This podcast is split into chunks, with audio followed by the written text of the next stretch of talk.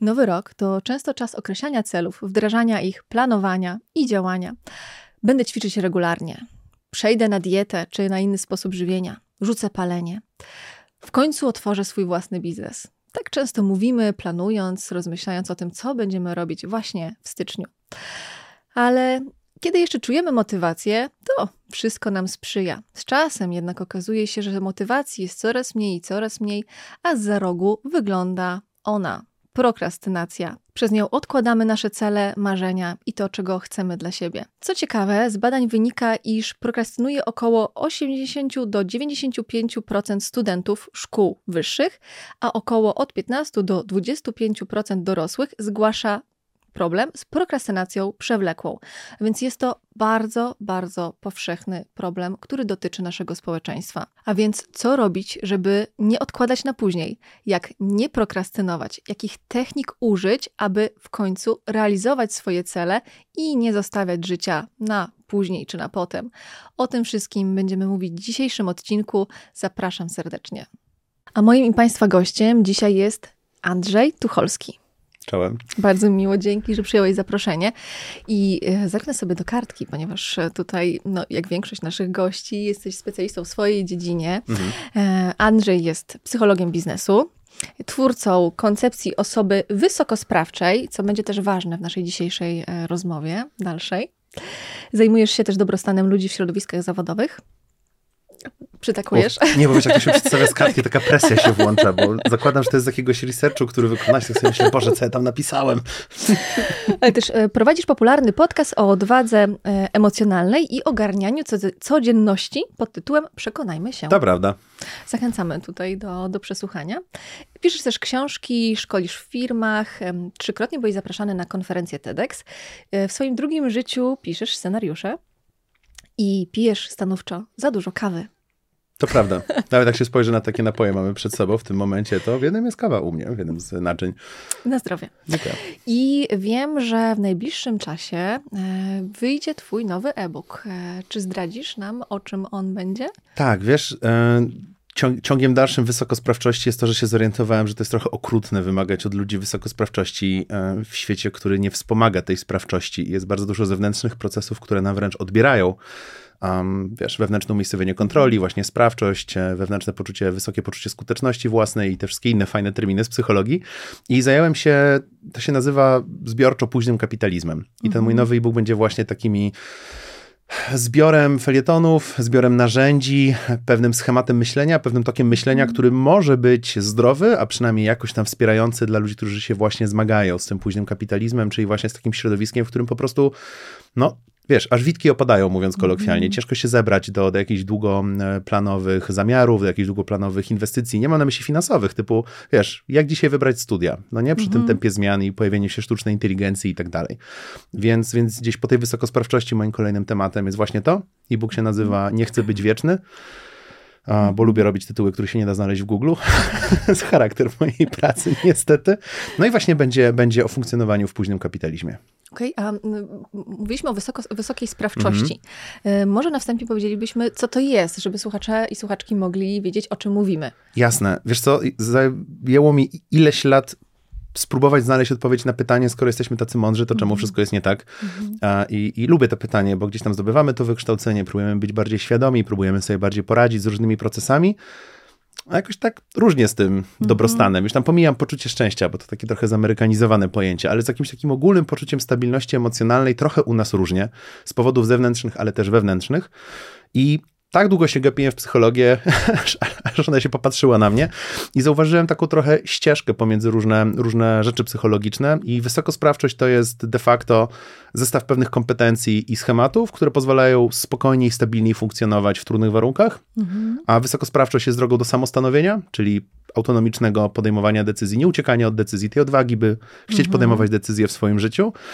I już tak mocno psychologicznie mówiąc, składa się z zagwarantowania sobie bezpieczeństwa emocjonalnego, potem przesuwamy umiejscowienie kontroli do środka, potem podnosimy poczucie własnej skuteczności i w oparciu o to budujemy to, to coś, co nazwałem wysokosprawczością. Wyjaśnimy na spokojnie Jasne. to wszystko, bo jest tutaj myślę, że dużo takich elementów, które m, mm, mogą być bardzo wspierające w kontekście prokrastynacji, o której dzisiaj mówimy. O, sądzę, że stanowczo. I, I, myślę, że to jest też clue e, tego, jak sobie z prokrastynacją radzić, więc bardzo się cieszę, że jesteś tutaj i że możemy o tym porozmawiać. Więc jakbyśmy trochę wrócili do takiej konceptualizacji tego, czym jest prokrastynacja, to czym prokrastynacja według ciebie jest? E, różnymi rzeczami. W takiej najbardziej chyba memowej wersji prokrastynacja to jest, wiesz, jeszcze tylko odmaluję kuchnię i, i zajmę się uczeniem na, do kolokwium. I każda osoba, która uczyła się do czegokolwiek, na jakimkolwiek stopniu edukacji, wie, czym jest prokrastynacja. To nie, nie, trzeba, nie trzeba wyjaśniać. Jeśli nagle mieliśmy drastyczną ochotę, żeby przemeblować swój pokoik, no to najprawdopodobniej czekał nas sprawdzian z matmy. Ale też, y, jak jest się dzieckiem, to ta prokrastynacja ma taki trochę uroczy jeszcze wymiar. Jak jest się człowiekiem dorosłym, to już gorzej, mm. bo z mojej perspektywy, tak bardzo mocno prostymi słowy to próbując y, ująć, prokrastynacja jest uciekaniem albo odwlekaniem, albo gdzieś przesuwaniem w czasie rzeczy, na które my w tym momencie mamy taką samoocenę, że nie mamy siły, albo nie chcemy mhm. się ich podjąć, albo to jeszcze nie jest odpowiedni moment i tych właśnie wymówek może być dużo.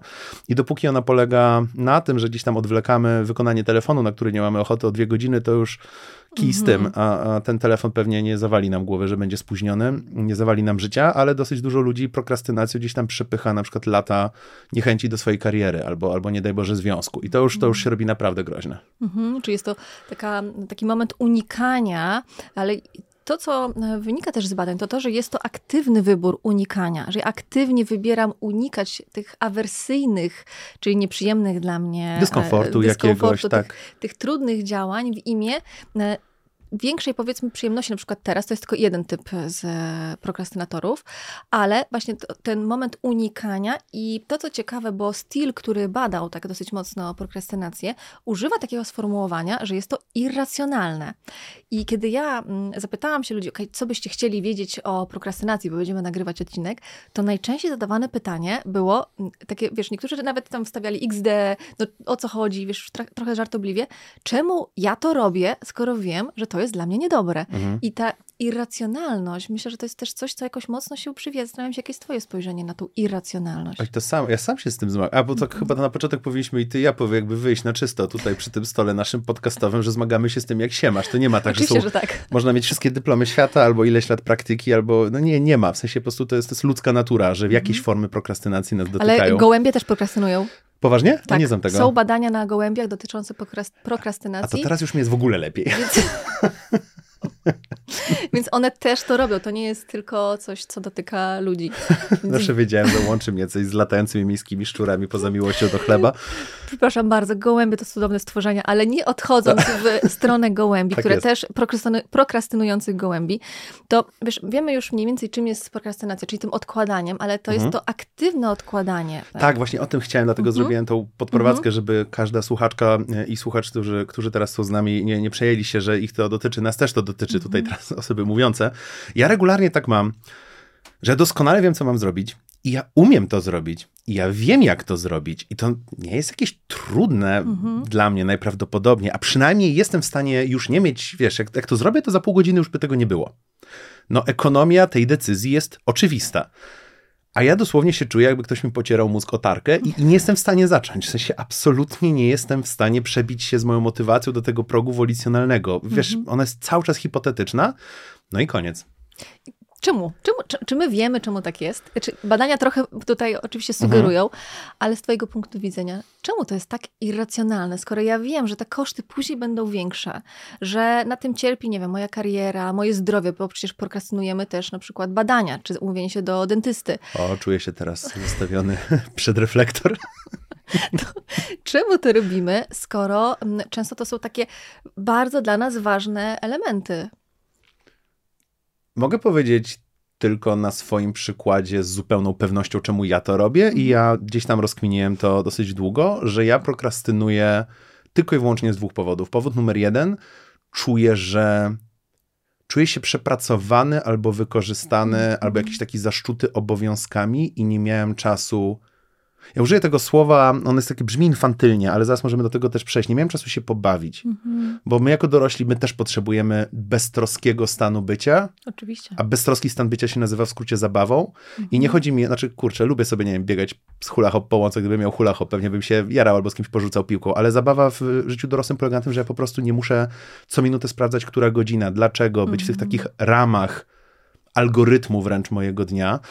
I ja ja odbieram prokrastynację jako mój wewnętrzny bunt, że ja mhm. nałożyłem na siebie za dużo tych ram, za dużo tego zaszczucia, za dużo tego algorytmu. I to jest mój najczęstszy powód numer jeden. Najczęstszy powód numer dwa, ja nie, tak naprawdę nie czuję sensu tego, co mam zrobić. I to jest mój bunt mm. przed tym, że ja robię głupią, głupią e, rzecz. W sensie nie, nie mówię, że głupią w stylu, wiesz, coś obiektywnie głupiego, tylko taką, której nie czuję, której nie rozumiem, której nie widzę sensu w jej konsekwencjach, nie czuję się na przykład przekonany, że powinienem ją robić. Sądzę, że to nie powinien być mój mm. obowiązek. Szeroki zestaw powodów, które możemy podsumować jako, jako głupia robota. Mm. A trzeci powód jest taki, że jestem niewyspany. To, to jeszcze to powinienem dodać, bo absolutnie, okay. absolutnie takie mm, fizyczne powody a ta taka psychogenna, fizyczny mhm. element prokrastynacji u mnie w obie strony działa. Jak prokrastynuję, czuję się gorzej, a jak jestem niewyspany, to prokrastynuję. I poruszasz bardzo ważny element, myślę też takiej, znaczy ja patrzę na to z perspektywy pracy terapeutycznej, ale identyfikacji trudności. I to w badaniach dotyczących efektywności różnych technik pracy z prokrastynacją też się pojawia, czyli to dlaczego i co ciekawe, e, badacze ukuli takie e, cztery tutaj typy prokrastynatorów. O, idziemy, uwielbiam. Wszystkie, wszystkie listy to, to moje. Czyli mamy tych, którzy stawiają na unikanie, czyli unika chcą, prokrastynują, bo chcą unikać, a więc często zwlekam, aby uniknąć pracy e, nad nieprzyjemnymi lub trudnymi zadaniami. Mhm. Modyfikacja nastroju, czyli prokrastynuję, bo chcę zmodyfikować sobie nastrój. Mhm. Często zwlekam, aby zmienić swój nastrój i poczuć się lepiej. Eskapizm, tak ładnie nazwane, a więc często zwlekam, aby zdystansować się od spraw związanych z prawdziwym życiem. I e, ostatniego nie umiałam przetłumaczyć. W sensie szukałam Dawaj. tej możliwości. Emergence. E, szukałam na to słowa po polsku. Emergencja. Em emergencja. Jakkolwiek to brzmi. Co, ostatnio, przepraszam, wtrącę, ostatnio szukałem, jak jest po polsku commodification i się dowiedziałem, że komodyfikacja i byłem strasznie zawiedziony. No więc, drodzy Państwo, tak nie znajdziemy na to słowa, ale ten ostatni typ, kiedy otrzymuję powiadomienie, sprawdzam je i poświęcam na to czas, mimo że mam inne zadania do wykonania. Więc widzę, że. Czyli taki tryb nagły? Tak. Myślę, że to jest taką nagłością Jakaś związane. losowa nagłość tak, że ja przechwytuje muszę, twoje priorytety. Tak, że ja muszę mhm. już zareagować. Więc myślę, że taka identyfikacja też tego problemu jest ważnym elementem pracy. I tu już się z tego wyłania taki punkt, co ja mogę zrobić. Kiedy prokrastynuję, jakie zadania najczęściej i dlaczego. A więc tworzę sobie taką, no powiedzmy poznawczo-behawioralnie, kajzerkę, czyli co się dzieje w danym momencie tak, to jest ulubione słowo e, cebetowców. Więc co na, co na siebie wpływa e, i jak to wygląda w danej sytuacji. Więc mamy już tutaj ten pierwszy punkt, co można sobie tak naprawdę zrobić. Czyli pierwsza i trzecia, czyli ten tryb unikający i eskapistyczny, one dla mnie brzmią trochę podobnie. Mm -hmm. Różnica jest w skali tego, czego unikasz. Bo jeśli unikasz sprawdzianu, to będziesz w tym pierwszym unikowym e, stylu prokrastynatora, ale jeśli unikasz rzeczywistości, w której żyjesz, to się nagle jesteś tym eskapistycznym, a gdzieś tam jedno i drugie rozwiązuje się w mojej opinii połączeniem podniesienia swoich kompetencji ogarniania w życiu, w sensie funkcjonowania w rzeczywistości, Jasne. ale też rezyliencji, wytrzymałości psychicznej. I to jest kolejny krok, czyli zobacz, jeżeli ja zidentyfikuję to, co mhm. jest trudne i mam już taką informację, ok, ja prokrastynuję księgowość. To nie. I tak naprawdę nie szukam na to rozwiązania. Chciałabym, ja, ja jak mam nie, nie, nie prokrastynować, ale realnie ja nie szukam na to rozwiązania. Nie usiadłam z kartką, nie zapisałam dlaczego, kiedy, jak i co mogę zrobić. Bo kolejny krok, kiedybym zapisała, to powinnam to przecież wdrożyć. Zobowiązuję się do czegoś. powinnam to wdrożyć wtedy, ale okay, no. Mechanizm no. wyparcia, świetny, nie? Więc sobie tutaj tworzę taki filtr poznawczy, no przecież nie wiem, tak, no po prostu tego nie lubię. Ale e, wiemy, że to jest bardzo powszechne zjawisko, prokrastynowanie. Dotyka około 80 do 95% studentów, wśród dorosłych to jest 15-20.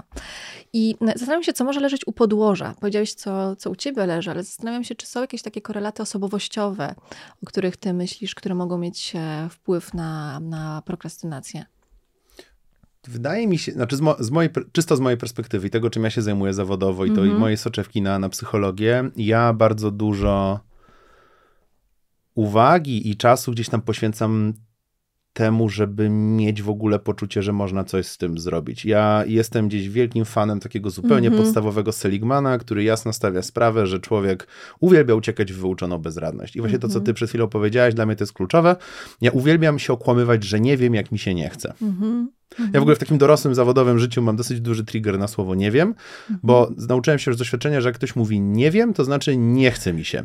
Albo jest pod tym na przykład lęk, opór przed wynikiem, opór przed tak, procesem. Tak, bo jak, jeśli ja z kimś pracuję i, i ta osoba powie mi po prostu nie wiem, jako odpowiedź, mhm. która jej zdaniem jest odpowiedzią, to na przykład już wiem, że raczej nie zrobimy już zbyt wielu projektów w mhm. przyszłości, bo to nie jest ten taki rodzaj, wiesz, podchodzenia do rzeczywistości, z którym gdzieś tam ja najlepiej funkcjonuję, bo na przykład moja odpowiedź będzie brzmiała, nie wiem, ale się dowiem, nie wiem, daj mi 10 mhm. minut, mhm. nie wiem, czy możesz mi wyjaśnić, wiesz, więc mhm. i mówię to oczywiście teraz, nie wiem, brzmiąc pseudo, pseudo mądrze, ale oczywiście sam siebie uwielbiam okłamywać, że nie wiem, jak mi się czegoś nie chce zrobić i wiesz, bardzo często mam się czymś zająć, załóżmy, że tą księgowością, siedzę przed komputerem, na którym jest, wiesz, na przykład przeglądarka internetowa, na przykład Google, nie wiem, e, czat sztucznej inteligencji. Jest bardzo wiele miejsc, gdzie mogę zadać jakąś formę pytania, co teraz, mhm. ale no nie, paluszki bolą nagle, wiesz, totalnie nie umiem wpisać wszystkich ale rzeczy. To, to, jest ciekawe, bo y, też wiem, że e, czytając niektóre badania trafiłam na to, że osoby z większym takim poczuciem kontroli i tą taką możliwością też e, no, egzekwowania tej własnej, poczucia własnej kontroli, one często też wybierają miejsca, które mniej, mają mniej dystraktorów do pracy. Tak.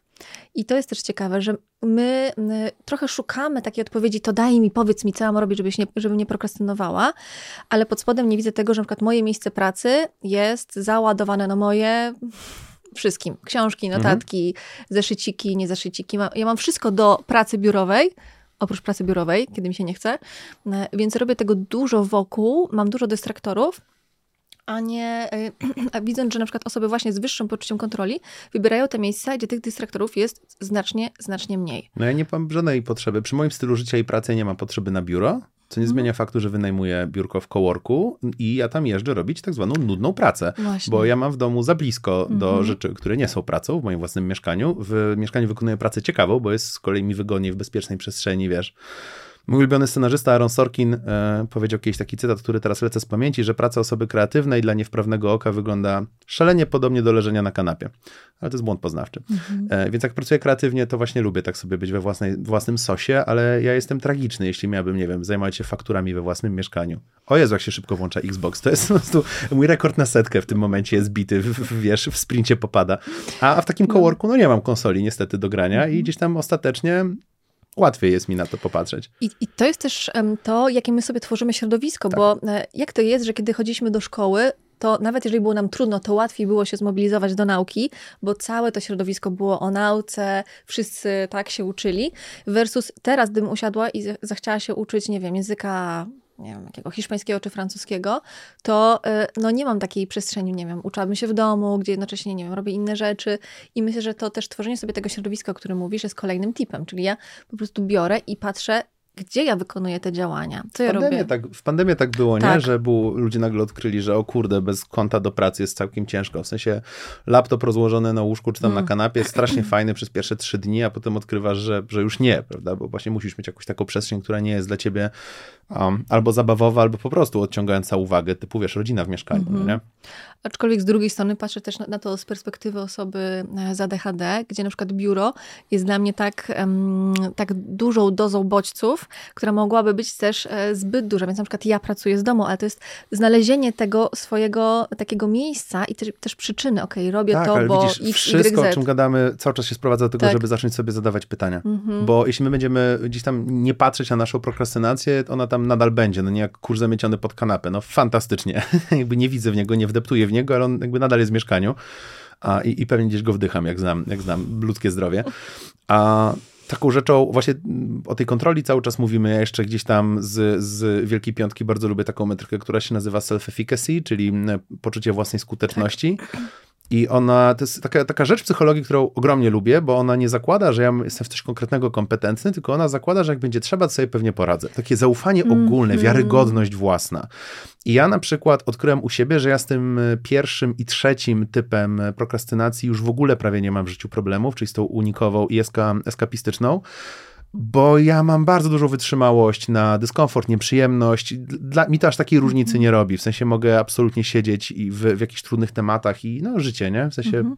tam, to nie wywołuje we mnie ogromnych kosztów mm, psychicznych, ale na przykład jestem w efekcie bardzo podatny na tą drugą prokrastynację, bo teraz tak zauważyłem w rozmowie z tobą, że ta mhm. druga jest w mojej opinii bardzo mocno powiązana jakimś wahadełkiem Czyli z tą pierwszą i trzecią. o której mówimy?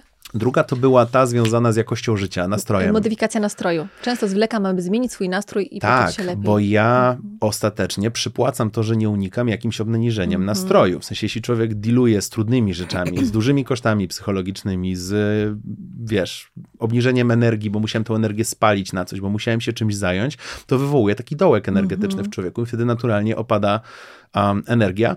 I ja prokrastynuję na różne sposoby i odkryłem, że one się różnią między sobą tym, jak szybko z powrotem mi się naładuje bateryjka. Ja w ogóle trochę pod kątem prokrastynacji patrzę na ludzi jak na Simsy. Mhm. W grze The Sims mieliśmy te takie zielone suwaczki tak. na dole i jak Sims chciał do toalety, to miał czerwony, był w toalecie, miał zielony, super. A jak był głodny i zjadł chipsy, to tylko trochę zielonego, jak pożywny obiad, to dużo zielonego. I ja zauważyłem gdzieś tam w swoim życiu, że żongluję tym, jak mam obniżony nastrój, bo rzeczy, które najzdrowiej pomogą mi go sobie przywrócić, mhm. wyrównać ten ładunek energetyczny, no one niestety trwają czas. Ja bardzo często nie mam na to okienka. Ja gdzieś mam takie zabawy w swojej głowie z, związane z tym podnoszeniem mojego nastroju. Czy mam pół godziny, czy mam mhm. godzinę, czy mam 10 minut, czy mam całe popołudnie. Jak mam całe popołudnie, to ja na bank zrobię coś zdrowego. I teraz się zorientowałem, że gadając o prokrastynacji, my wchodzimy w coping mechanizmy -hmm. copingowe, mechanizmy -hmm. radzenia sobie ze stresorami. Mm -hmm.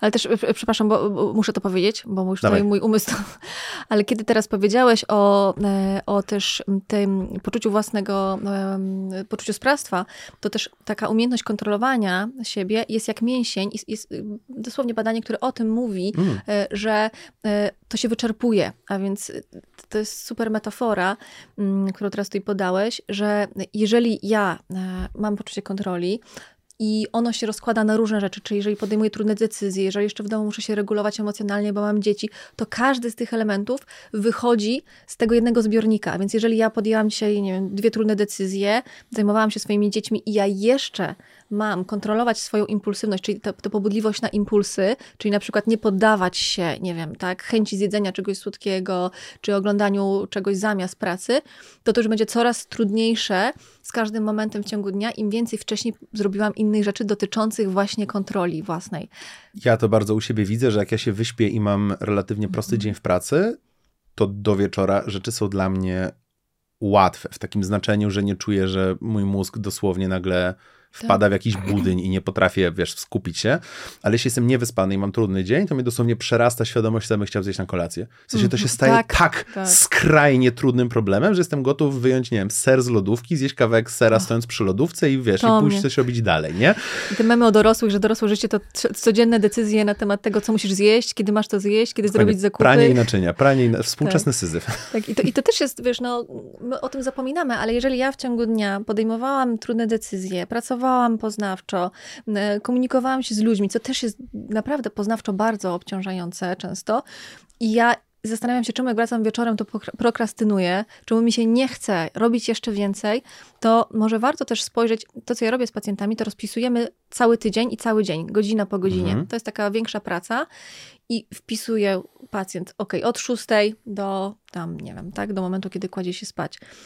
I wszystko. I okazuje się, że ludziom zostaje, nie wiem, 15 minut na naukę hiszpańskiego, rozwijanie własnego biznesu i ćwiczenia, e, bo już nie ma gdzie wcisnąć czegokolwiek.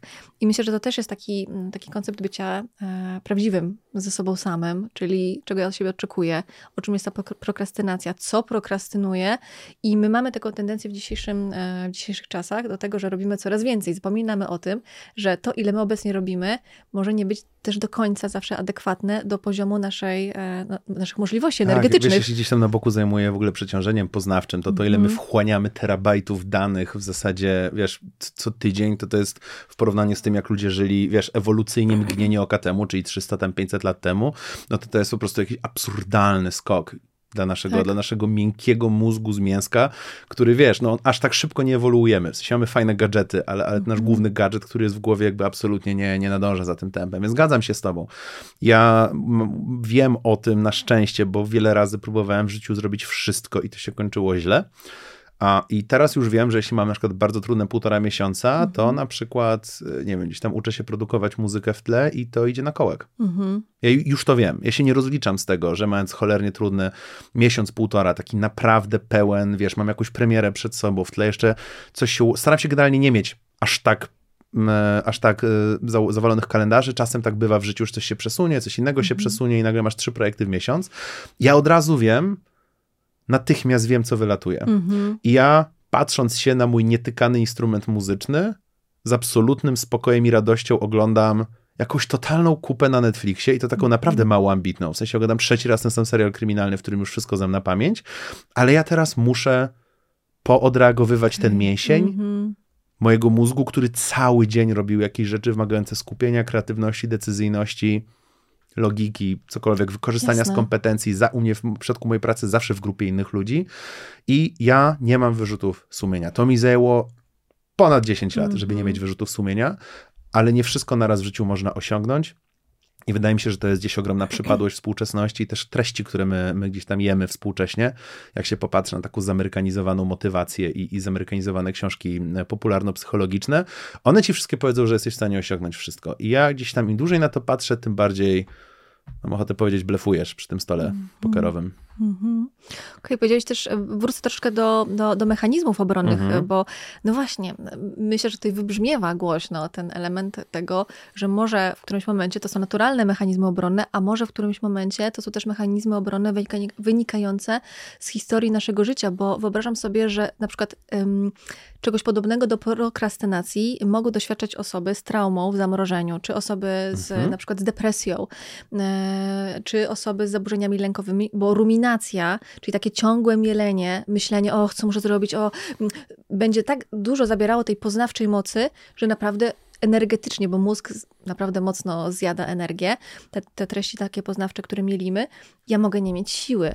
Więc wiesz, zastanawiam się, mm, do osób, które nas słuchają tutaj, no, mogą czuć pewne zagubienie, okej, gdzie pro, prokrastynacja, gdzie mechanizmy obronne, mm, wiesz, czy jesteśmy jakoś w stanie to jakoś tutaj ludziom ustrukturyzować i powiedzieć, e, gdzie, e, gdzie, gdzie to jest ze sobą łączne, gdzie, gdzie się różni od siebie. Ojej, ale rzuciłaś pytaniem trudnym. Ale Wiem, to też się tym trop. zastanawiam no, To teraz. jest dobry trop. Nie, nie, Ja nie znalazłam, nie znalazłam na to takiej odpowiedzi jasnej e, w badaniach. E, Wiem, że są takie korelaty neuronalne e, w, w prokrastynacji, a więc są na przykład dysfunkcje poznawcze w obrębie kory przedczołowej i w obrębie tej kory przy hipokampie, a więc te osoby, które prokrastynują, prokrastynują, mogą mieć na przykład problem z takim myśleniem epizodycznym, a więc myśleniem o wyobrażaniu sobie przyszłości Mhm. takim też mm, obrazowym. Kiedy to przeczytałam, pomyślałam sobie, wow, przecież są takie techniki, wyobraź sobie siebie i one mogą być super skuteczne. Mentalizacja. Tak, i, i to jest to, czego może brakować osobom z prokrastynacją, ale też ten koncept tej kory przedczołowej, a więc regulacja emocjonalna, która może być zaburzona u osób z prokrastynacją. I wiesz, z jednej strony w badaniach mówi, mówi się wręcz o rehabilitacji poznawczej osób, e, które prokrastynują, tak mocno, mocno prokrastynują, bo może to wynikać z tego, że po prostu ich mózg jest w taki sposób e, no, inaczej, tak, ukształtowany czy uszkodzony wręcz. No, nie chcę używać takiego sformułowania, żeby ktoś teraz nie poczuł, o okej, to już jest koniec, ale są efektywne... Zostaje tylko Tak, lobotomia. z, są efektywne techniki, które Mhm, mówią o tym, że możemy jasne. rehabilitować. I zastanawiam się, wiesz, kiedy my tu jesteśmy teraz no, i ktoś chce posłuchać o tym, jak ma nie prokrastynować i, i słucha tego wszystkiego, a i tu elementy, i, i społeczeństwo, i te czasy, i prokrastynacja, i kwestie neu- neurologiczne, znaczy neurobiologiczne, to wiesz, jak się w tym odnaleźć, co powiedzieć ludziom, kiedy chcemy powiedzieć o prokrastynacji? Ojej. Trudno. Mam pewien pomysł, jak zacząć taką próbę zebrania tego w jeden, w jeden e, wątek, ale jeszcze jedną rzecz dorzucę. Mhm. Mianowicie ja mam takie w ogóle poczucie, że można się nabawić jeszcze gorszej prokrastynacji na własne życzenie, bo ja słuchaj, z domu wyniosłem takie, takie podejście, że jak trzeba, to trzeba. Mhm. I ja pamiętam, że byłem o wiele lepszym człowiekiem, jeśli chodzi o różne obowiązki, na przykład domowe, przez dobre dwadzieścia kilka lat, bo ja nie za bardzo zadawałem sobie pytanie, czy mi się chce. Mhm. I ja po prostu trzeba, to trzeba. W sensie pralka piknie, idę i rozwieszam. To, to Mhm. nie było toku motywacyjnego w mojej głowie. Taki trochę, wiesz, od, odruch Pawłowa. No nie słyszę Mhm. dźwięk pralki i idę, po, idę jakby rozłożyć suszarkę w przedpokoju. Um, ja mam takie podczucie, że ja w okolicach 30 się zdemontowałem. Miałem takie, miałem takie trudne parę lat, kiedy gdzieś Mhm. dosyć mocno się zastanawiałem nad, nad różnymi tam aspektami, bo elementem niezadawania sobie pytań jest to, że nie zadajesz sobie pytań i tam miałem dosyć dużo niezauważonych rzeczy związanych, wiesz, z, z moją osobą. I cieszę się ogółem z tego procesu, bo więcej zrozumiałem, coś tam, wiesz, wbiłem łom między jakieś dwa, dwa, dwie spróchniałe mhm. deski, coś tam odkryłem ciekawego w sobie, ale mam poczucie, że ja się trochę zdemontowałem pod takim kątem zdyscyplinowania, bo miałem taki dosyć mocny epizod roczny, dwuletni, zastanawiania się, czy ja mam teraz ochotę na to. I słuchaj, no mhm. magicznym trafem ja nigdy nie mam na nic ochoty, co nie jest, wiesz, graniem w grę albo oglądaniem seriali, no nie? Mm. I ja mam takie poczucie, że może być, to tak zupełnie z boku zaczynam, ale miałem tą myśl jakiś czas temu na, na tle jednej swojej wypowiedzi, nie chciałem przerwać, a tak chcę mhm. tylko zarzucić. Mam poczucie, że takie nadmierne hedonistyczna, nadmierna hedonistyczna próba dbania o jakość naszych dni i codzienności może na maksa wzmacniać tak. prokrastynację. Jest taki odprysk psychologii, parapsychologii, żeby jakby maksymalizować dobrostan, maksymalizować szczęście, takie głaskanko, mhm. takie, ja tego nie lubię, w sensie ja mam trochę kosę z tym, bo dla mnie to jest takie trochę infantylizowanie jednak dorosłości, mhm. żeby na pewno nie mieć właśnie dyskomfortu, żeby być w bezpieczeństwie i tak dalej. I to brzmi fajnie, jako wiesz, weekend, jest mm -hmm. świetny plan na sobotę, żeby nie mieć żadnego dyskomfortu, ale tak sobie myślę, że jako dorośli musimy umieć wytrzymywać monumentalne dyskomforty. Im jakby mm -hmm. człowiek dłużej żyje, im bardziej ludzie w twojej grupie wiekowej na przykład chorują, tym bardziej trzeba, wiesz, znosić te mhm. dyskomforty. I mam gdzieś takie poczucie, że gdzieś trochę mamy pokolenie dwa lub trzy, które gdzieś tam mocno próbuje zmiękczyć się w pewnych konkretnych grupach społecznych. I ja również padłem trochę tego, mhm. tego gdzieś tam ofiarą, po czym z tego się dosyć mocno wybiłem. I to jest taka rzecz, która gdzieś mnie tam na maksa interesuje, że taki, taka pogoń za takim hedonistycznym głaskankiem i bezpieczeństwem w mojej opinii może strasznie zwiększyć prokrastynację, bo my do rzeczy, które gdzieś tam powinny być automatyczne, typu, wiesz, ja naprawdę nie spalam zasobów, żeby umyć zęby rano i wieczorem. Mhm. W sensie to jest ta rzecz, którą robię rano i i wieczorem. Ja takich rzeczy, które po prostu robię, pamiętam, że miałem multum, a teraz mi mhm. dosłownie zostało kilka w życiu, mhm. a reszta gdzieś wpadła na tę taką giełdę, którą muszę przypłacać energią, mhm. paliwem, kosztami psycho, psychologicznymi, no nie, że tak, a, to zrzucę trochę energii, żeby rozwiesić to, to pranie. I za, taką mam, w sumie nawet, wiesz, nie mam wniosku, no nie, ale tak chciałem to rzucić ja tutaj na stół. O, bardzo chętnie właśnie usłyszę twój komentarz do tego, rzucam tak to na stół w, w rozmowie między nami, że zauważyłem, że się trochę zdemontowałem przez taką nadmierną pogoń za tym, żeby teraz, wiesz, być w jakiś tam dobrostanie emocjonalnym, No tak, no to, że muszę zwlec tyłek i pójść, nie wiem, wyrzucić śmieci w ulewę, psuje mój dobrostan emocjonalny na 6 sekund, no ale poprawia go w toku nieposiadania śmierdzącego worka ze śmieciami w przedpokoju, no nie? I, I, zobacz, jak ciekawe, bo mm, no, odpowiedzią na prokrastynację jest robienie rzeczy tu i teraz. Mhm. Czyli kiedy mam zrobić? Zrobić ją jak najszybciej. Czyli to odpowiedź, ok, nie robisz, wiem, robisz. Me metoda pięciu sekund, tak raz, dwa, trzy, cztery, pięć robię. Ludzie mówią, nie, nie, to jest niemożliwe. To niemożliwe, że to odpowiedź na prokrastynację. E, bo ja nadal prokrastynuję. Ale niestety to jest też mm, to mierzenie się z dyskomfortem. To, o czym mówisz, mam poczucie, jest też o elastyczności psychologicznej, bo elastyczność psychologiczna e, nie jest o tym, że ja trwam tylko w komforcie i tylko komfort sobie tworzę, ale o tym, że ja mogę być też w dyskomforcie i być nadal w zgodzie z swoimi wartościami mhm. i angażować się w to, co dla mnie ważne. A więc nie tylko unikanie, ani nie tylko bycie w dyskomforcie, ale bo jeżeli ja poprzestaję, jestem tylko w jednym miejscu, gdzie ma być zawsze komfortowo i przyjemnie, to jestem w sztywności psychologicznej. Mhm. I to znowuż wdraża mnie w takie ramy, nie, nie, nie robię tego, to nie jest o mnie, to jest o innych, e, to są, e, prawda, nie wiem, ja tylko dbam o swój komfort, wszystko musi być zawsze przyjemne, to będzie mnie e, ciągnęło w stronę sztywności. Sztywność jest powiązana z oczywiście zaburzeniami też psychicznymi, wiemy o tym. Elastyczność mówi o tym, że mogę być tu i tu. Mogę czasami zadbać o swój komfort, czyli czuję, że, tak jak mówiłeś, nie wiem, pracowałam intensywnie cały tydzień, okej, okay, zrobię sobie odpoczynek, zadbam o siebie, ale też o tym, że myję zęby. No, że wstaję, wstaję rano z łóżka i kiedy umówiłam się z pacjentami tak na sesję, to jestem na tej sesji. Mm, chociaż nie wiem, wstawanie rano może nie jest tego dnia dla mnie tym, co chcę robić, to jednak to robię, bo jest tam dalej coś dla mnie bardzo ważnego. I myślę, że też mm, ja nie jestem za tym, żeby patrzeć tu i teraz. Są też ciekawe badania dotyczące hedonizmu i prokrastynacji, tak jak mówisz, to mm, gdzieś tam może się ze sobą łączyć, ale też odnoszenie się do szerszych wartości, czyli dlaczego ja to robię w sumie ciężko mi znaleźć wartości dotyczące, e, wczoraj się nad tym zastanawiałam, księgowości. Czemu ja robię księgowość? Czy jest w tym jakaś większa wartość? Nie chcesz iść do więzienia. Ale nie, o tym pomyślałam, nie chcę dostać kary. Motywacja negatywna. Nie, nie chcę dostać kary, nie chcę pójść do więzienia. No to jest dla mnie ważne. No i właśnie też e, zauważamy, że próby tłumienia emocji, czyli okej, okay, zrobię to, nie będę, tak, próby nieczucia czegoś są mniej efektywne niż próby przeformułowania na nowo zadania i jego wyniku. Oj tak. A to w ogóle też problem z samoregulacją emocjonalną. Tak. Jeśli ktoś nigdy w życiu nie przeżywał Dokładnie. świadomie emocji, o Jezus, jak to boli, ale wypieranie emocji kosztuje tak horrendalnie dużo. Tak, w sensie, jeśli tak. człowiek jest już dorosły i naprawdę ma bardzo długą historię wypierania emocji, to w pewnym momencie już prawie nie jest w stanie robić prawie nic w ciągu dnia, bo tak absolutnie przepala, choćby zjadł, wiesz, ja Mhm. teraz oczywiście mówię kolokwialnie i żartuję, i nie tak działa energia, ale jakby wiesz, zjadł 15 tysięcy kalorii, to przepali 15 Tak. tysięcy kalorii na nie, nie, nie mam tych emocji, nie mam, wcale Tak. nie mam, jakie emocje. Dokładnie. I, super, że to... Jak nie prokrastynować Tak. w takim setupie? W sensie, jeśli ja dosłownie mam mojego. Użyję analogii komputera, Mhm. choć znowu mózg tak nie działa, ale jeśli mam, wiesz, 32 GB RAMu w komputerze i 31,99% po prostu 10,9% jest zapchane, no to każdy z nas kiedyś klikał dwa razy ikonkę na komputerze i ta klepsydra była przez dwie godziny, nie? W sensie pff, skraszowało system. I my też tak mamy, jeśli nasz umysł jest zapchany czymś na 99%, bo to nie jest tak, że ja teraz tylko i wyłącznie siedzę tu i rozmawiam z tobą. Staram się ze wszystkich sił, żeby maksymalny procent mnie był teraz tu z tobą, ale wiadomo, że z tyłu moja głowa robi x różnych rzeczy. Już pomijam to, że utrzymuje mnie przy życiu i wiesz, mój kręgosłup w pionie i płuca, żeby coś tam robiły. Mózg to jest zajęty kolega jednak. Mm, Oczywiście. A, ale wiesz, jeśli człowiek funkcjonuje i ma zapchane 99% mózgu na właśnie wypieranie emocji, nie zwracanie, wy, wypieranie tam jeszcze czegoś, no nie? Ja tutaj wrócę do tych moich ulubionych koników, czyli właśnie umiejscowienia kontroli i tego poczucia sprawstwa. Jeśli człowiek nie czuje, że może zmienić swoją sytuację, no to musi sobie opowiedzieć jakąś bajkę, która ochroni jego tożsamość. No więc sobie zaczyna opowiadać jakąś bajkę, że a, ja tu, ja, ja tak nic nie wskuram teraz w tej pracy, no nie? No i to znowu Mi wzmaga tak prokrastynację. Tak. Po co? Jest takie powiedzonko, które gdzieś tam bardzo lubię, że nie ma większej siły w kosmosie. W sensie, serio, grawitacja do pikuś przy tym, ile człowiek zrobi, żeby obronić swoją tożsamość. Mm. Nie ma większej siły w kosmosie niż człowiek broniący gdzieś tam swojego, swojej tożsamości, swojej samooceny, swojego poczucia się.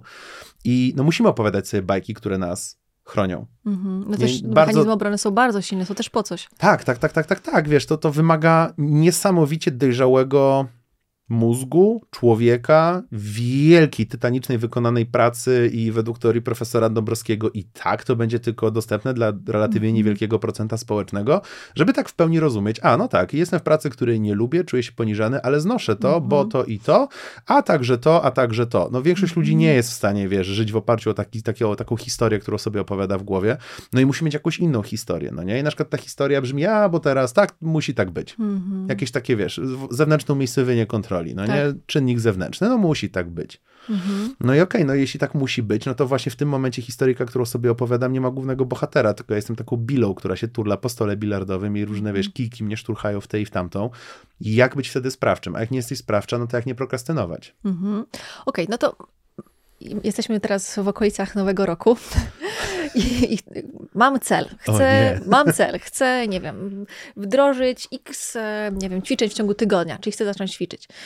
I właśnie, i co mogę zrobić, żeby z tego nie wypaść? Bo ludzie e, budują sobie cele. To jest taki moment teraz w roku, kiedy wszystko jest. Znowuż wracamy do tej metafory szkoły. Wszystko jest o celach, wszystko jest o motywacji, ale za chwilę marketing się zmieni i pójdziemy w stronę, nie wiem, wielkanocnego zajączka i wszystko będzie o, o czymś innym, czy nie, o walentynkach, przepraszam bardzo. O, jeszcze walentynki, faktycznie. Zapomniałam, tak. E, i, i, I znowuż to, ta atmosfera się zmieni.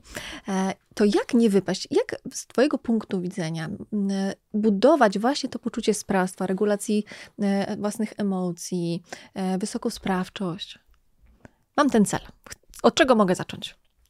Mogę być taki trochę naiwnie poetycki. ja bym zaczął od próby nieuciekania od tego, kim się jest. Mhm. I użyję anegdotki. Ja mam takiego kumpla i strasznie lubię tę jego historię, bo ona mi coś powiedziała na mój temat, który bardzo chciałby lubić teatr. On nie lubi teatru, ale bardzo chciałby lubić chodzić do teatru. W sensie ładnie się Mhm. ubrać i wiesz, i z żoną pójść na taki super wieczór i w ogóle, e, nie wiem, jeszcze ładna restauracja i bić brawo w białych rękawiczkach, no nie? I mieć taką lornetkę śmieszną i w ogóle. Je, jakby rajcuje go to, bo lubi kulturę i, i jakby, wiesz, lubi czytać e, jakieś takie mądrzejsze, powiedzmy, rzeczy, ale no, śpi z nudów w teatrze. W sensie Mhm. chciałby lubić, ale nie lubi.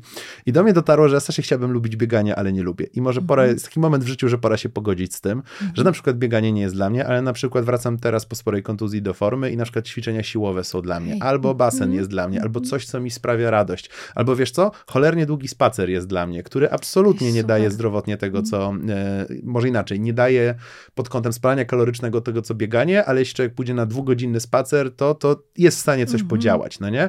I tak dalej, i tak dalej. I myślę sobie też w kontekście, wrócę do tego twojego podziału prokrastynacji, który, który zacytowałaś, krokiem numer jeden dla mnie by była próba nieuciekania od tego, dlaczego mi nie wychodzi trenowanie. Znam sporo ludzi, którzy po prostu odkryli, że mają to gdzieś I, I może to jest złe, w sensie człowiek powinien być zdrowy, tak strzelam, jako jakiś taki ogólny, wiesz, cel moralny, że fajnie na przykład być zdrowszym niż nie.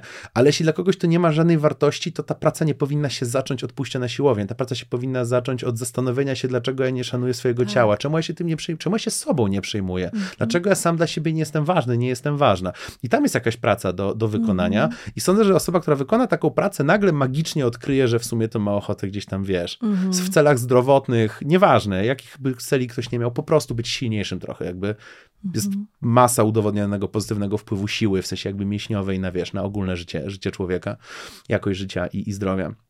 Więc ja bym zaczął od tego. Ja bym się zastanowił, dlaczego, bo większość z nas, szczególnie jak jesteśmy, już nie mamy 20, 25, 30 lat, nagle odkrywamy, że dużo naszych celi jest co roku takich samych. Mm. I wtedy się włącza, o, wtedy to można wjechać w wyuczoną bezradność. Ja już 10 razy, wiesz, nie zrobiłem formy, ja już 10 razy nie napisałem książki w tym roku, ja już 10 razy nie zmieniłem pracy w tym roku, ja już 10 razy się nie nauczyłem hiszpańskiego. No i się zaczyna jazda. Weź, I wmów sobie, że w tym roku ci się uda buduje coraz mocniejsze poczucie, tak jak powiedziałeś, bo y, to behawioralnie będzie wzmacniało to poczucie Tak. braku sprawstwa. Tak. Przepraszam, musiałam tutaj wejść, ale to jest bardzo ważne. Chciałam, żeby Dokładnie to wybrzmiało bardzo dokładnie tutaj. Tak. Oj, wcinaj się, uwielbiam twoje wcinki. A, ale to, co chciałem powiedzieć, to to, że jeśli my nie zrozumiemy, czemu nam nie wyszło, Mhm. A na bank się wydarzy to samo. To ci już teraz mogę, da, jestem w stanie się z tobą założyć, słuchaczko, słuchaczu, o świeżo wyprasowane 10 zł, że w tym roku też ci się nie uda. Jeśli nie masz na przykład świadomości, z jakich powodów to nie wyszło, z jakich powodów prokrastynujesz. Ewaluacja. Tak. Mhm. Wiesz, ja bardzo lubię, ludzie się cieszą, jak e, uczą się przeżywać emocje, że o, ja chyba czuję gniew. No dobra, Mhm. fantastyczny pierwszy krok z 40, przyjacielu. A teraz co to jest za gniew? Czy to jest furia, to jest frustracja, to jest rozżalenie, które jest dwiema emocjami naraz i tak dalej, i tak dalej. No bo inaczej jakby musisz przeżywać rozżalenie, inaczej musisz przeżywać frustrację, inaczej, inaczej musisz przeżywać irytację. Inaczej musisz podejść do swojej sytuacji w oparciu, te emocje ci mówią inne rzeczy. Mhm. I podobnie jest tutaj. Jeśli ja na przykład prokrastynuję, bo sądzę, że moja praca jest głupia, to czemu ja ją robię? A wtedy prokrastynuję, bo eskapistycznie, bo nie chcę się jakby zorientować, że ja już nie lubię mojej odnogi kariery i tak dalej, i tak dalej. Sorry, te odpowiedzi mogą być niewygodne. Jest, ale też w takich momentach mo może, bo mam takie oczywiście też różne sytuacje w gabinecie, gdzie pacjenci, nie mówię tutaj o, o konkretnych przykładach, tylko to są wymyślone przykłady, no bo tej etyka, ale gdzie pacjenci zauważają, że okej, ta praca mi nie leży, dlaczego ja nie chcę chodzić do tej pracy, tak to mi się nie podoba, prokrastynuję, ale jeżeli mam wybrać zmienić pracę, czy zostać w niej, bo tam jest na przykład, nie wiem, bezpieczeństwo, to okazuje się, że znajduję swoje właśnie to dlaczego, dlaczego to jest dla mnie ważne być w tej pracy, chociaż może jest trudna i ludzie na nowo mogą poprzez odnalezienie wartości zaangażować się w to, tylko tak prawdziwie. Czyli myślę, że chciałam, żeby to bardzo tutaj wybrzmiało, to zajrzenie trochę pod spód tej funkcji, no bo to jest jakieś zachowanie na zewnątrz, ja odkładam, ale ono, ja wiem, że ono brzmi irracjonalnie, ale pod spodem na pewno jest funkcja. Czyli to, gdyby to nie miało racji bytu, to by się nie powtarzało w przyrodzie, bo nic, co nie ma racji bytu, w przyrodzie się nie powtarza. Więc ja muszę mieć z tego jakieś, mm, jakieś korzyści. I to też jest ważny element. Jakie ja mam korzyści z tego?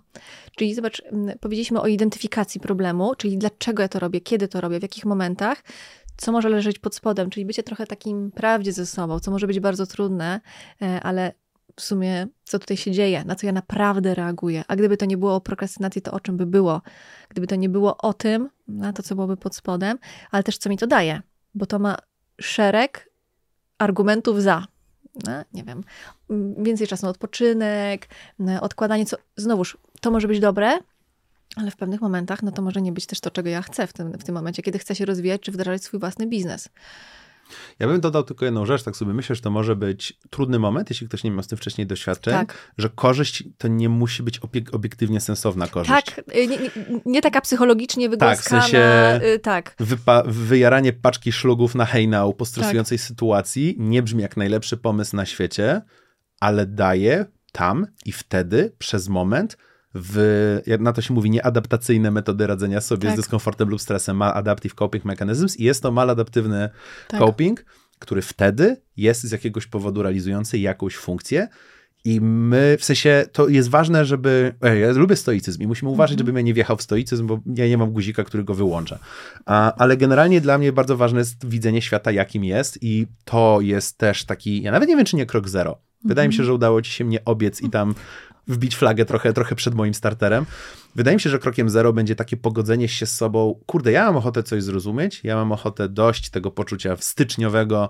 Znaczy, w styczniu jest fajnie, ale ja, ja nie chcę znowu mieć lutego, kiedy się mhm. zorientuję w lutym, że to znowu mi nie wyszło. Mhm. I pierwszym krokiem do tego, krokiem zerowym byłoby, żeby się pogodzić i ja na to popatrzę takie, jakie jest i mogę nie lubić tego, co tam znajdę, ale to nadal ja.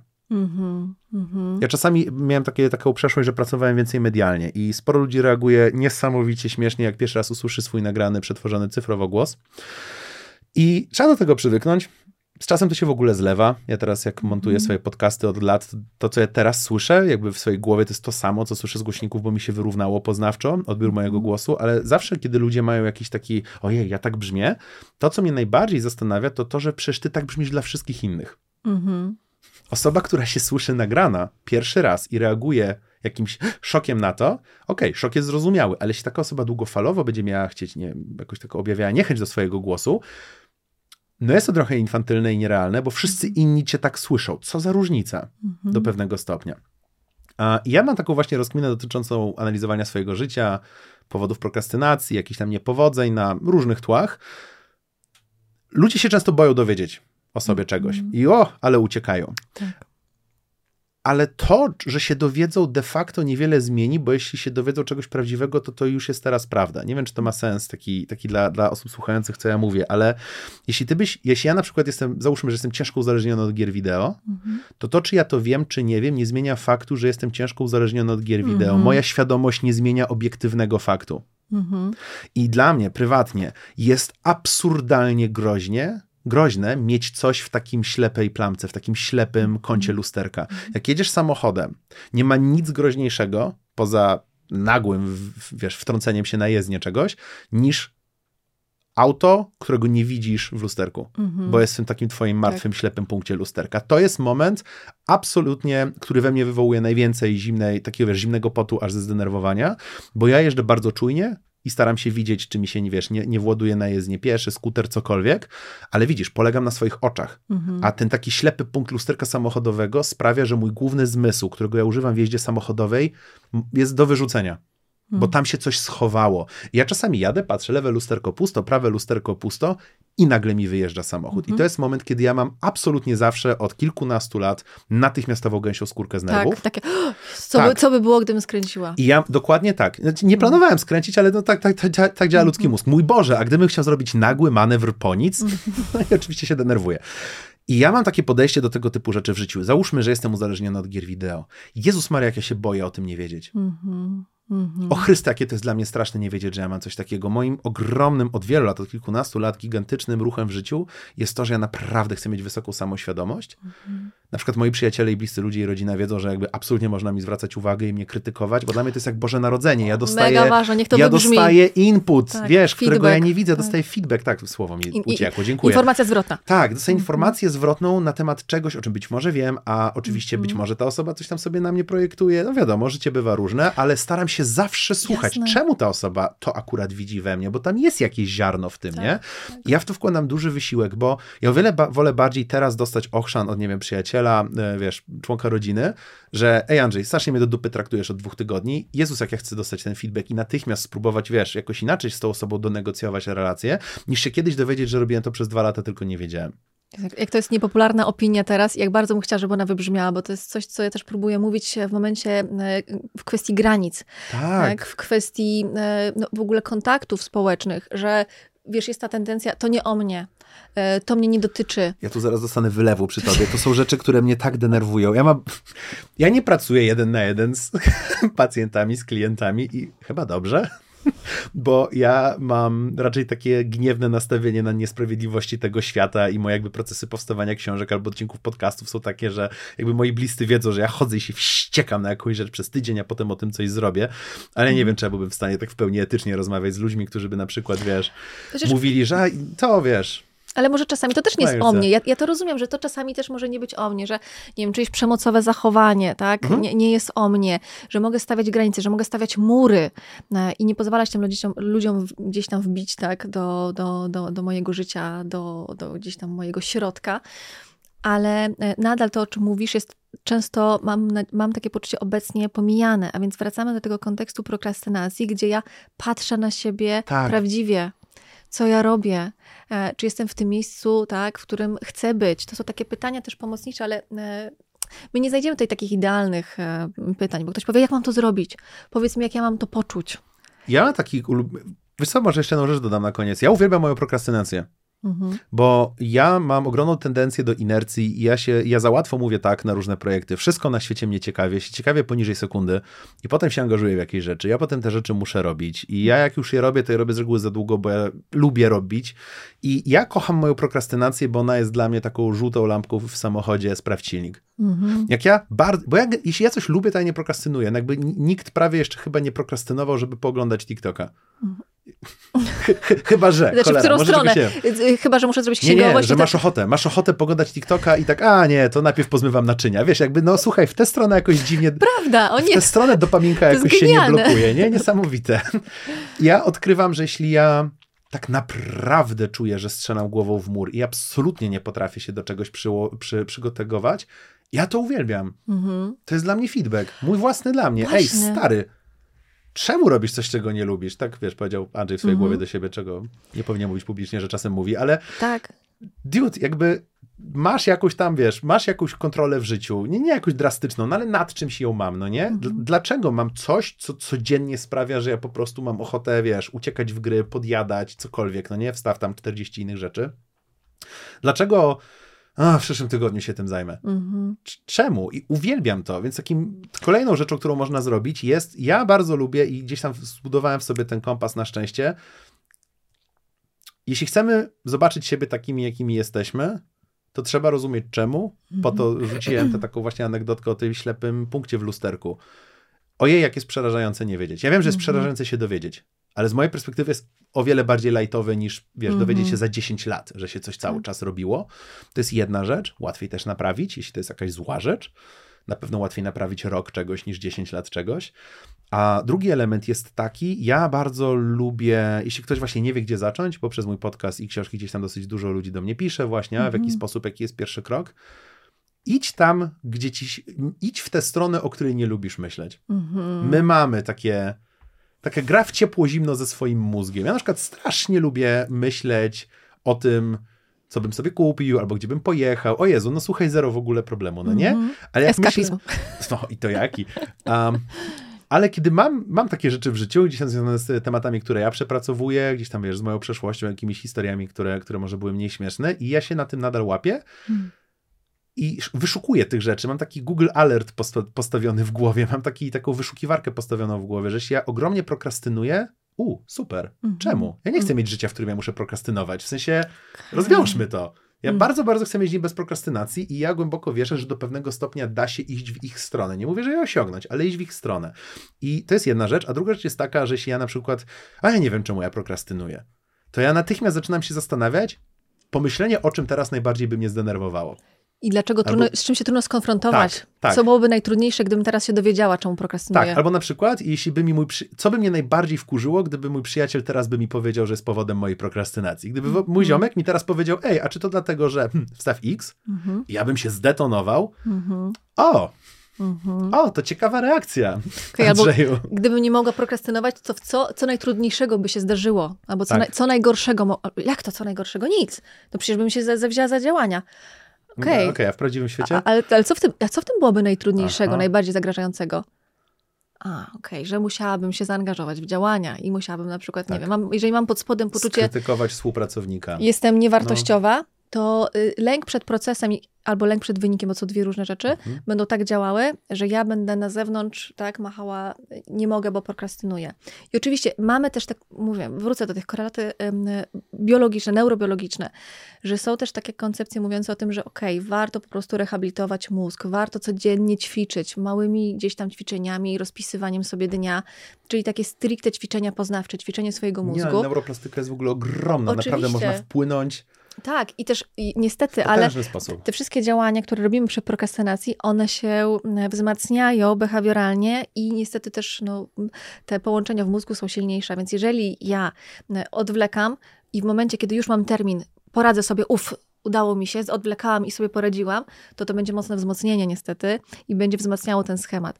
A więc wracając sobie troszeczkę, e, bo mam poczucie, że dużo tutaj typów różnych teraz padło i różnych możliwości pracy z tym, chciałabym to jakoś zebrać, bo mówiłeś też o tym, jak budować sprawstwo, ale to wszystko, mam poczucie, że wszystko, o czym tutaj mówimy teraz, dotyczy właśnie tego, jak regulować swoje emocje, jak budować swoje poczucie sprawstwa i to nie są oddzielne rzeczy, tylko jeżeli ja usiądę z kartką i rozpiszę sobie, z czego wynika moja prokrastynacja, to ja będę tak tą umiejętność globalizować na wszystkie te, te aspekty. Więc identyfikacja, o czym jeszcze dzisiaj mówiliśmy, e, zidentyfikuj swój, swoją prokrastynację, z czego ona wynika, co możesz z niej dobrego mieć, czyli co ją wzmacnia. Hmm. Teraz taka chwila, o czym my mówiliśmy? Nie, o czym mówiliśmy, to chyba nawet jestem w stanie jakoś przytoczyć, ale moja głowa już zaczyna próbować stworzyć takie parasolkowe, systemowe, wiesz, giga rozwiązanie, które oczywiście będzie absolutnie nieaplikowalne dla nikogo, bo to będzie taka porada w stylu zastanów się nad sobą. dwóch, psychologów i mikrofon. To zależy. To zależy. Ale no, identyfikowanie, tak? Czyli... Tak. Przed czym taki trochę zorientowanie się, gdzie jestem na jakiejś takiej map mapce swojego życia. W okay. sensie, ja mam wrażenie też takie podświadome, że większość ludzi trochę wie, przed czym ucieka. Mm -hmm. Po prostu mhm. nie lubi o tym myśleć. To jest dosyć mm -hmm. sensowna reakcja. Wiadomo, że się nie lubi myśleć o rzeczach, przed którymi się ucieka. Ale no to jeśli ktoś zaczyna krok wcześniej, to się po prostu na moment zatrzymać, się zastanowić, gdzie się jest w różnych, w różnych miejscach w swoim życiu, gdzie się prokrastynuje. Po pierwsze, ja bym odwrócił w swojej głowie tę zależność, że prokrastynacja, ja bym, ja bym sobie pomyślał, że jest czymś dobrym. Mhm. To jest mój wewnętrzny system mówiący mi, mój wewnętrzny system feedbackowy mówiący mi, że coś nie gra. Tak. Mhm. Bo. Bo nie gra. Jasne, i to, i to jest też coś, co robimy w psychoterapii, gdzie to pozytywne przeformułowanie, co mnie mówi ten lęk, o czy, jakich moich wartościach, więc to też jest w drugą stronę, tak? Mogę to, to, może to posłużyć jako taki no, barometr, tak? Jak mhm. mówiłeś tutaj, taka więc informacja pierwsza, pierwsza rzecz, absolutnie polubić prokastynację, odwrócić naszą, naszą soczewkę na nią, w sensie zastanowić się, po co ja ją mam. Tak, i to będzie to od razu to przeformułowanie, które mówiliśmy, że jeżeli ja unikam to, to będzie no, no, gdzieś tam negatywnie wpływało, jeżeli tylko unikam, a jeżeli ja przeformułuję sobie to, co robię i swój cel, wyobrażam sobie swój cel, tak, jako coś już osiągniętego, mogę sobie wyobrażać to jako realne, nie wiem, medytacji na przykład, gdzie będę, co osiągnę, jak to będzie wyglądało, kiedy już zrealizuję ten cel, ale też szukanie takich jasnych rozwiązań. Problem, rozwiązanie, problem, rozwią rozwiązanie. W modelach pracy z prokrastynacją, no mamy tutaj taką cudowną tabelę, gdzie są różne rozwiązania. Właśnie na... faktycznie patrzę na bardzo obszerną tabelę. I to zrobili naukowcy, uważają, że to jest super efektywne. Czyli mam problem, mam różne sugestie tego, jak mogę to rozwiązać i realne e, możliwości tego wdrożenia. Czyli mam problem, e, i oczywiście one, to nie jest tak, że to są najlepsze rozwiązania, ale mogę znaleźć swoje, swoje własne, czyli mam trudność z realizowaniem, nie wiem, księgowości powiedzmy. Mhm. Co mogę zrobić? Trzy rozwiązania, ja każdy z nich będę realizować. No mhm. i, rozumiem, i to. Znaczy w ogóle nawykowe szukanie tak. rozwiązań gdzieś tam, gdzieś tam przed, przed e, przekłada prokrastynację na zupełnie inny poziom, bo jeśli nawet czegoś nie lubisz, to no, wymyśl, nie wiem, właśnie kto to za ciebie zrobi, w sensie to może komuś zapłać, żeby ci z tym pomógł, na przykład jak ja z księgowością mm-hmm. i bardzo serdecznie pozdrawiam moją panią księgową, bez której moja firma by się też zawaliła. To ro- też to robię. Tak. ale i tak, i tak tego nienawidzę, ale wiem o co chodzi. tak. A, krok pierwszy, zorientuj się, gdzie jesteś. Krok drugi, odwróć tą, tą swoje postrzeganie prokrastynacji jako papierka mm-hmm. lakmusowego, tego barometru, jak powiedziałaś licznika Geigera, naszych, naszych wewnętrznych tematów. I po trzecie, po prostu rozpisz to jako jakieś tam procesy. W sensie, tak. to powiedziała jakaś amerykańska bizneswoman, absolutnie nie pojmę teraz nazwiska, ale ona, to jest chyba tytuł jej książki, że everything is figure outable. Wszystko mm. jest jakby rozkminialne. Rozwiązywalne. rozwiązywalne. I to jest bardzo dobre podejście do życia, które, które gdzieś tam mam, mam gdzieś w sobie, żeby tym rzeczom po prostu zadawać pytania i co z tym zrobisz. Okej. Okay. I e, pozwólmy, żeby to osiadło. Po, pozwólmy, żeby to osiadło. Mam poczucie, że e, ta rozmowa jest wypełniona tymi praktycznymi e, rzeczami. Na pewno trzeba sobie troszeczkę wyciągnąć z tej rozmowy, ale myślę, że taką kontynuacją będą też Twoje podcasty, Twoje treści, Twój e-book, który, który wychodzi niedługo. Jeżeli kogoś interesuje ten temat, to tam też odsyłam, ale też na Twoje wszystkie social media, żeby dokończyć. Wiem, że możemy mieć takie poczucie, okej, okay, chcę więcej, chcę więcej. Ja mam w głowie trzy też ja które tak bardzo chcę powiedzieć, ja... ale ten podcast już trochę trwa.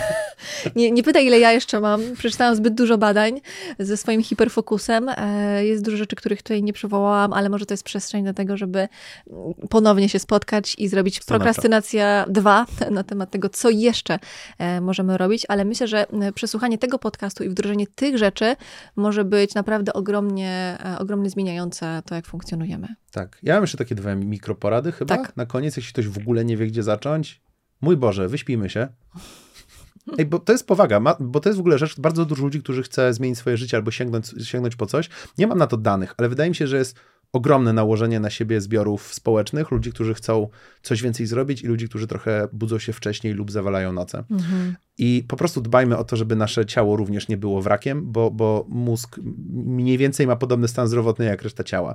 Więc jeśli my jesteśmy trupem na dwóch energetykach, który spał 4,5 godziny i zjedliśmy batonik, no to dokładnie, do, dokładnie takie mamy e, dzisiaj narzędzia do dyspozycji. I może jak ktoś ma 21 lat i jest nieśmiertelny, jak wszyscy 21-latkowie. Kiedy to było? Kiedy to było? To, to gratuluję, zazdroszczę. Mo, może wtedy przez chwilę da się tak żyć, ale gorąco odradzam, no ale później już na pewno nie. Mhm. I to jest jedna rzecz, a druga również pod kątem fizycznym odpocznijmy, to jest pierwsza, a druga pod kątem psychicznym odpocznijmy jeśli mamy chorą potrzebę, byśmy żartowali e, tuż przed włączeniem, e, jak tutaj powiedział nasz cudowny pan realizator, zanim taśmy były w zapisie, to tuż, tuż przed zapisem żeśmy żartowali z tego, żeby tylko nie powiedzieć w tym podcaście, że czasami warto jest poprokrastynować, mm -hmm. ale mamy ochotę to powiedzieć, że jeśli my mhm. naprawdę już czujemy, że szorujemy po jakiejś tarce, już, już wszystko jest nie tak, no to może poprokrastynujmy. W sensie to naprawdę wy, wiesz, zróbmy sobie całą wolną sobotę, wymówmy wszystkie inne plany, bądźmy mm. jak takie totalne parówki na kanapie, które mało robią i pod koniec takiego dnia się zastanówmy, co tam u nas. I naładujmy baterię w Simsach. Tak, naładujmy baterię, bo naładujmy baterię w Simsach, tak, bo jeśli my spróbujemy strasznie niewyspani i hiperprzepracowani, tak. usiąść z tą kartką papieru i długopisem i porobić te ćwiczenia, o których myśmy teraz pogadali, ja się boję, że tam nie za wiele może wyjść. Mm -hmm.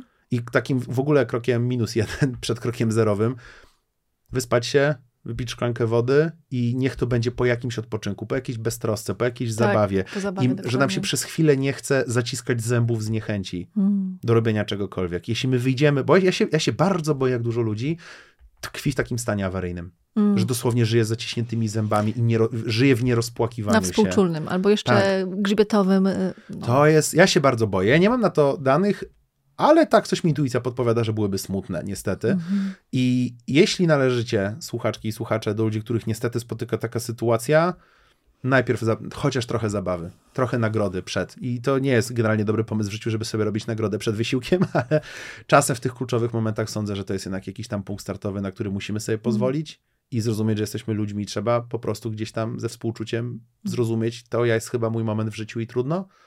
Tak, ale potem wszystko, o czym gadaliśmy, gadaliśmy wcześniej. Kartka, długopis i chwila szczerości. No to wspaniałe. To po prostu zakończmy tym. Nie, nie, niech to wybrzmi. Andrzej, zamknij się. Nie, niech, niech, to wybrzmi, bo to jest tak, tak myślę, że wspaniałe i bardzo się z tym identyfikuję i, i tak posmarujmy się tym i tutaj i pozwólmy, żeby to wybrzmiało i żeby na nas osiadło. Ja też również tutaj do tego zachęcam i ja bardzo Ci dziękuję za to, że byłeś tutaj z nami, że mogliśmy mieć wgląd też w Twoje, w twoje wnętrze, w twoją, w twoją wiedzę, więc dzięki wielkie. Myślę, że to dzięki może być bardzo wspierające dla wielu osób. I pozwólmy sobie na odpoczynek. Tak, Dzięki. Tak. Idziemy w kimę. Dzięki. Do zobaczenia.